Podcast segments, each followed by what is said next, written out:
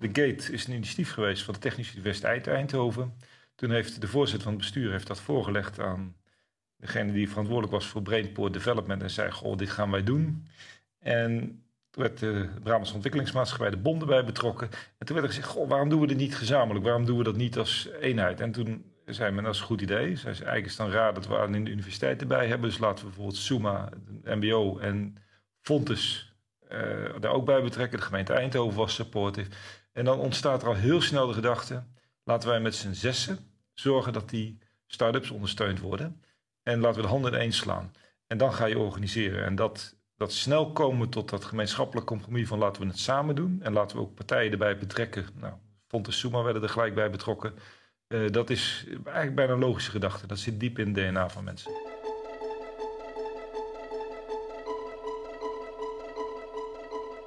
Deze stem herken je misschien nog uit de vorige aflevering.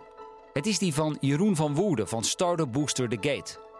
En ik laat het horen omdat het iets vertelt over de instelling van de mensen en instituten hier. Het is een woord dat in de gesprekken met betrokkenen steeds weer terugkomt: samenwerken. Wat informele lijnen, veel met elkaar spreken, makkelijk bij elkaar over de vloer, elkaar makkelijk kunnen aanspreken. Dat is ook wel iets wat bij ons is ingebakken. Het is toch vaak even rondom dat worstenbroodje en een kop koffie uh, bijpraten. Dit is Het Geheim van Brabant. Een podcastserie van MT Sprout over het economische succes van deze provincie. Ik ben John van Schagen en ga op zoek naar het antwoord op die vraag. Want wat is dat geheim eigenlijk? Met in deze derde aflevering de praktijk.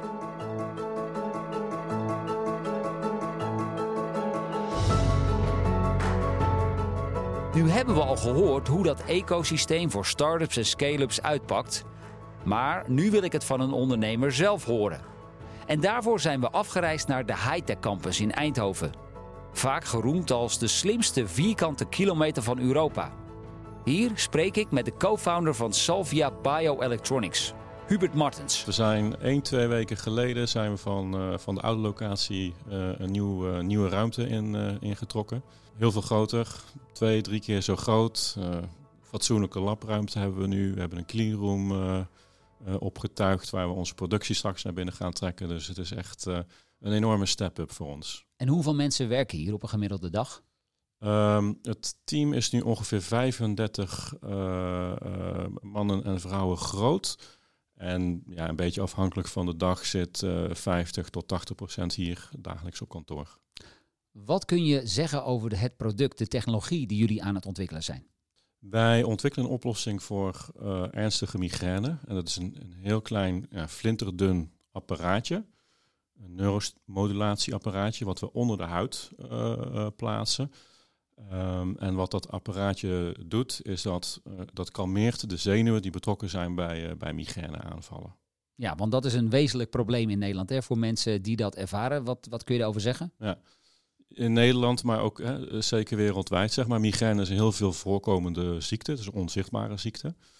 En uh, voor een, een, een, heel groot deel van uh, de patiënten vormt medicatie eigenlijk ja, onvoldoende een oplossing. Of omdat het niet voldoende effectiviteit biedt, of omdat er bijwerkingen zijn. Ja, het gebruik van neuromodulatie kan die mensen helpen om dat brein weer kalmer te, gaan, te gaan krijgen. Wereldwijd zijn er uh, ja, miljoenen mensen die voor deze behandeling in aanmerking zouden kunnen komen. Dus het gaat om een, uh, om een serieus groot medisch probleem. Hoe lang geleden zijn jullie hiermee gestart en, en hoe is dat idee ontstaan? Wij zijn, uh, het, we hebben het bedrijf opgericht in 2000, 2017. En het idee is eigenlijk, het oorspronkelijke idee is afkomstig van een van de medeoprichters, Wim Polet. Is een, een arts die ook lange ervaring had in de neuromodulatie-industrie. En die had bij een van de vorige werkgevers, had hij um, ja, first hand gezien um, hoeveel baat migrainepatiënten kunnen hebben uh, bij het gebruik van neuromodulatie. Alleen was in die tijd de technologie niet toereikend. Dus er waren allerlei technische problemen waardoor dit niet naar de markt is gekomen. En wij zijn in 2017 dit bedrijf gestart met het idee, nou, daar gaan, daar gaan wij een oplossing voor bieden. Wij gaan daar een verschil voor maken. En lag er toen al iets op de plank? Nee, hij lag. Helemaal niets. Nee, als ik achteraf terugkijk, dan zeggen we ook altijd tegen onszelf van uh, wat dachten wij nou eigenlijk? What were you uh, thinking? What were we thinking, indeed. Um, waar ik, uh, wat, ik altijd uitleg is, we zijn letterlijk aan een whiteboard gestart. Het, het, we hadden niks. maar we zijn zeg maar um, met de oprichters ja, letterlijk rond een whiteboard gaan staan en hebben onszelf de vraag gesteld van nou stel, we zijn vijf tot tien jaar verder in de toekomst en we zijn natuurlijk waanzinnig succesvol met onze behandeling voor migraine. En waarom is dat? Dat is eigenlijk de vraag die we ons hebben gesteld. Waarom zou dat zo zijn? En op basis daarvan hebben we eigenlijk gewoon terugberedeneerd van nou, waar moet de technologie aan voldoen? Waar moet de oplossing aan voldoen? Hoe ga je in staat zijn om zo'n groot aantal uh, uh, patiënten wereldwijd te, kunnen, te kunnen bereiken? En we hebben zeg maar aan dat whiteboard een, een, een oplossing geschetst. En we zijn ja, allen ja, veterans zeg maar, in de medical device industrie. Dus we hebben ons netwerk gebruikt om technologie tegen die oplossing aan te proberen houden.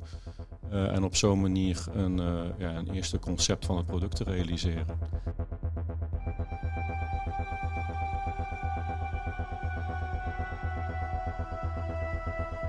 Wat kun je zeggen over het product dat jullie nu hebben? Hoe ziet dat eruit? Het is, uh, het is letterlijk zo dun als papier. Het is een, een, een flinterdun implantaatje, een, een, een folie noemen wij het, een bioelectronic foil. Um, een paar millimeter breed en een, uh, een, een, tiende millimeter dik. En dat uh, wordt met een, eh, een, kleine incisie onder de huid geplaatst. Omdat het zo dun en, en, flexibel is, zie je dat niet. Je voelt dat niet, je merkt daar niks, niks van. En um, wat je als, als, als patiënt, als gebruiker van, van een therapie hebt, is een, klein apparaatje wat je ja, mee naar huis kunt nemen. En dat klikt met een, uh, een klein magneetje, als bijvoorbeeld een, een, een cochlear hearing aid ook uh, werkt. Uh, kun je dat op dat, dat implantaatje klikken en dan wordt het voorzien van energie en van, van data en lever je therapie. Dus als, als, als, als gebruiker heb je iedere dag bijvoorbeeld twee keer een half uurtje dat je dat apparaatje gebruikt om de therapie te activeren. Of als er bijvoorbeeld uh, toch een migraineaanval doorzet, dan, dan kun je het apparaatje ook gebruiken om die aanval af te proberen breken. En hoe goed werkt het inmiddels? Nou, dan moet je altijd wat, wat slagen om de arm houden. Dus we zijn recent gestart met onze eerste klinische studies in België en in Australië. En uh, die studies en, nog een aantal studies die ook hierna gaan komen, zijn bedoeld om aan te tonen wat nou werkelijk de, de veiligheid en de effectiviteit is. Wat we kunnen zeggen op basis van die eerste patiënten die we nu uh, behandeld hebben, is dat het er in ieder geval uh, veelbelovend uit lijkt te zien. Dus die, die, die, de eerste patiënten zijn bijzonder enthousiast. En, en hebben ook daadwerkelijke verbeteringen meteen gemeld. zeggen zelf letterlijk, ik heb mijn leven weer terug. Dus het zijn wel hele ja, heel veelbelovende signalen. Maar we zullen dat wel verder moeten gaan onderzoeken nog in de toekomst natuurlijk. Om dat ook echt onomstotelijk te kunnen bewijzen. Oké, nu weten we wat voor product Salvia Bioelectronics aan het ontwikkelen is. Welk gezondheidsprobleem ze daarmee willen oplossen en waar ze nu staan. Dan nu het feit dat ze op die high-tech campus zijn gehuisvest. In het hart dus van Brainport Eindhoven. Ik wil weten wat ze daar nu eigenlijk concreet aan hebben. Je hoort Hubert Martens weer. En hij legt uit wat hem dit oplevert. Ten eerste voor het team zelf. Het is een fantastische omgeving um, met heel veel uh, faciliteiten, fijn werken hier. Dus voor het team zelf is het een heel prettige omgeving om, uh, om te werken. Um, wij merken ook in het uh, aantrekken van nieuw talent dat de Hightech Campus werkt. Dus een, een, behoorlijk aantal van de mensen die bij ons zijn komen werken, die hebben ons gevonden via de Hightech Campus. we zijn uiteindelijk nog maar een, een jong startend bedrijf. Nog, nog niet wereldwijd bekend, maar mensen weten ons te vinden omdat ze de Hightech Campus opzoeken. En dan gaan ze kijken wat voor coole bedrijven zitten, zitten daar. En nou, daar staan wij natuurlijk altijd bovenaan die lijst. Dus daar helpt het enorm. En um, natuurlijk ook de, zeg maar de, de nabijheid van, van, van kennis en, en ook infrastructuur. Dus er zitten hier uh, service providers waar wij uh, testen kunnen laten uitvoeren, waar we analyses kunnen laten uitvoeren. Er lopen al van mensen rond met allerlei technische expertise waar we vragen aan kunnen stellen. Dus je bent wel echt geëmbed in een, uh, in een ecosysteem waar waanzinnig veel kennis beschikbaar is. En je zegt de service providers. Wat moet ik me daarbij voorstellen? Nou, bijvoorbeeld, uh, hè, wat, wat, om een voorbeeld te geven, wat heel belangrijk is voor het, het, het, stuk van de technologie die geïmplanteerd wordt, is natuurlijk dat het veilig is en dat alle biologische en chemische karakteristieken ook ja, kloppen. Uh, en er is, uh, ja, er is hier enorm veel analytische kennis en, en ook meetinfrastructuur beschikbaar op de campus. Waar wij gewoon gebruik uh, van, van kunnen maken. En, en, dat geldt ook op andere technische vlakken. Maar je, ja, je loopt hier twee gebouwen verder met je product of met een, met een vraag. En je kunt daar iemand te spreken krijgen die je weer verder helpt. En dat, dat is een hele lage barrière. En dat is ook echt een versneller voor de ontwikkeling van jullie product. Ja, want daar gaat jaren in zitten, toch? Ja, nee, we zijn, uh, ja, we zijn hier ook al jaren mee bezig. Dus het zijn heel wat ontwikkeliteraties die we al achter de rug hebben. En zeg maar, hoe sneller jij een, een, een, antwoord op bepaalde vragen waar je mee worstelt kunt krijgen, ja, hoe sneller je ook door die iteraties heen kunt, uh, kunt lopen. En doordat het zo lang duurt uh, en doordat je daar ook meerdere tientallen mensen op hebt zitten, dat kost geld. Um, helpt het dan ook dat je in deze regio aan financiering kunt komen? Ja, ja dat, uh, dat heeft ons vanaf dag één eigenlijk geholpen. Dus um, in 2017 eigenlijk vrij vlak nadat we zijn gestart zijn we in contact gekomen met, uh, met de BOM. Uh, en dit was echt nog heel vroeg. Hè. We hadden een PowerPoint. En, dus we waren één stap verder van het whiteboard. Maar ja, alleen nog maar een PowerPoint. Maar op basis daarvan heeft toen de BOM gezegd van nou wat een, wat een gaaf verhaal. Um, er was natuurlijk ook hè, vertrouwen in het team. Het was niet de eerste keer dat we dit deden, maar ze hebben ons uh, vanaf uh, het, uh, het allervroegste begin aan kapitaal geholpen. een andere investeerder mee aangehaakt. dat heeft ons ook geholpen om weer andere middelen aan te trekken. ze hebben ook een netwerk beschikbaar gesteld. Dus ehm, het, ook dat heeft ons als, als heel jong bedrijf waarbij je nog niks hebt, ben je best wel kwetsbaar in het begin. Want ja, het, het is zeg maar vooral een verhaal wat, uh, wat de buitenwereld uh, van je moet zien te geloven. En uh, de bom die is erop ingestapt en, en heeft ons wat dat betreft enorm geholpen. Ja. We zijn hier in het nieuwe pand. Daar hebben jullie ook een, een totaal nieuwe clean room kunnen maken. Ja. Um, even voor de mensen die niet weten wat je met een clean room moet. hoe belangrijk is dat voor jullie ontwikkeling? Ja, dat is cruciaal. Dus... Um, en dus nogmaals, een, een, deel van onze technologie wordt letterlijk onder de huid uh, uh, geplaatst. En dat moet perfect schoon zijn. Je wilt niet dat daar iets van vervuiling of, of andere on, uh, onregelmatigheden in zitten. Dus de productie van die apparaatjes moet je onder heel schone en heel gecontroleerde omstandigheden doen.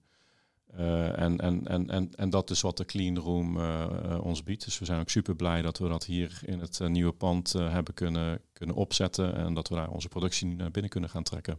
En hoe hebben jullie dat de eerste paar jaar gedaan? Hebben jullie Clean Room ruimtes ingehuurd? Nou, we zijn eigenlijk begonnen met eerst alles te outsourcen van, van de productie. Het was niet ons oorspronkelijke plan om meteen dingen zelf te gaan maken, want het is best wel een forse stap.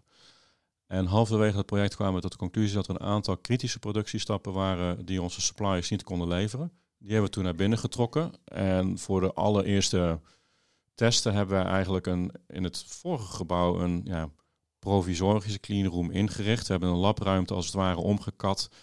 Uh, hebben we letterlijk met duct tape uh, ramen en deuren, de, de, de kieren dichtgezet. Uh, alles waanzinnig goed schoongemaakt. En luchtfilteringssysteem erin gezet. En hebben we ook gevalideerd dat dat schoon genoeg was. En daar hebben we zeg maar de eerste uh, pilotproductie kunnen draaien om de eerste proeven te kunnen starten. Ja, en hoe zijn jullie dus aanbeland bij de volgende fase? Het is allemaal nog weer een stuk professioneler. Um, Zo'n cleanroom, dat is qua investering, waar moet ik dan ongeveer aan denken? Het zijn in ons geval, het is een relatief kleine cleanroom nog, maar dat zijn vele tonnen uh, die je zeg maar aan, uh, aan kapitaal commit. Je vertelde er net al iets over, maar de aanwezigheid van kennis hier op de Hightech Campus, maar ook bij de Technische Universiteit Eindhoven, hoe belangrijk is dat voor jullie?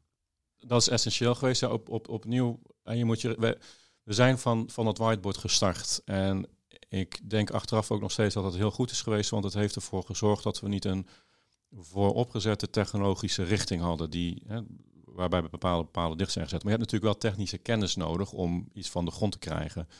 Zeker in die, uh, in, in, die, in die eerste 1, 2 jaar hebben we nauw contact gehad met een, uh, een, een aantal onderzoeksgroepen van de TUE, gewoon om kennis binnen te halen op uh, bepaalde technologieën.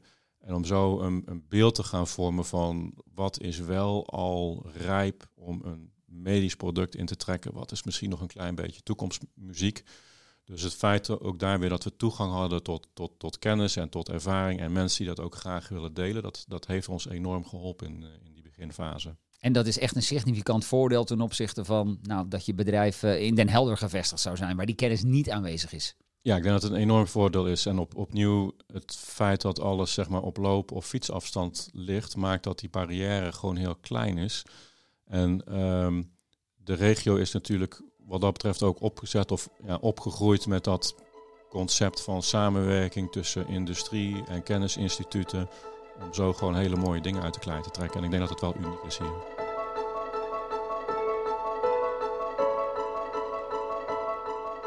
Unieke omstandigheden dus, zo vertelde Hubert Martens van Salvia Bioelectronics.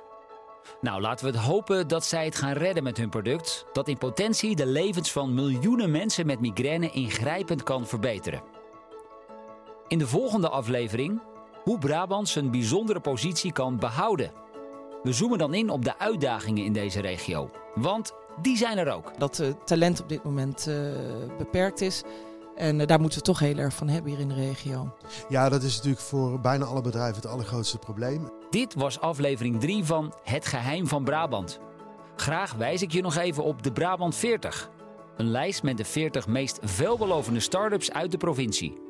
Meer info vind je op mtsprout.nl slash Brabant40. Bedankt voor het luisteren en tot de volgende aflevering.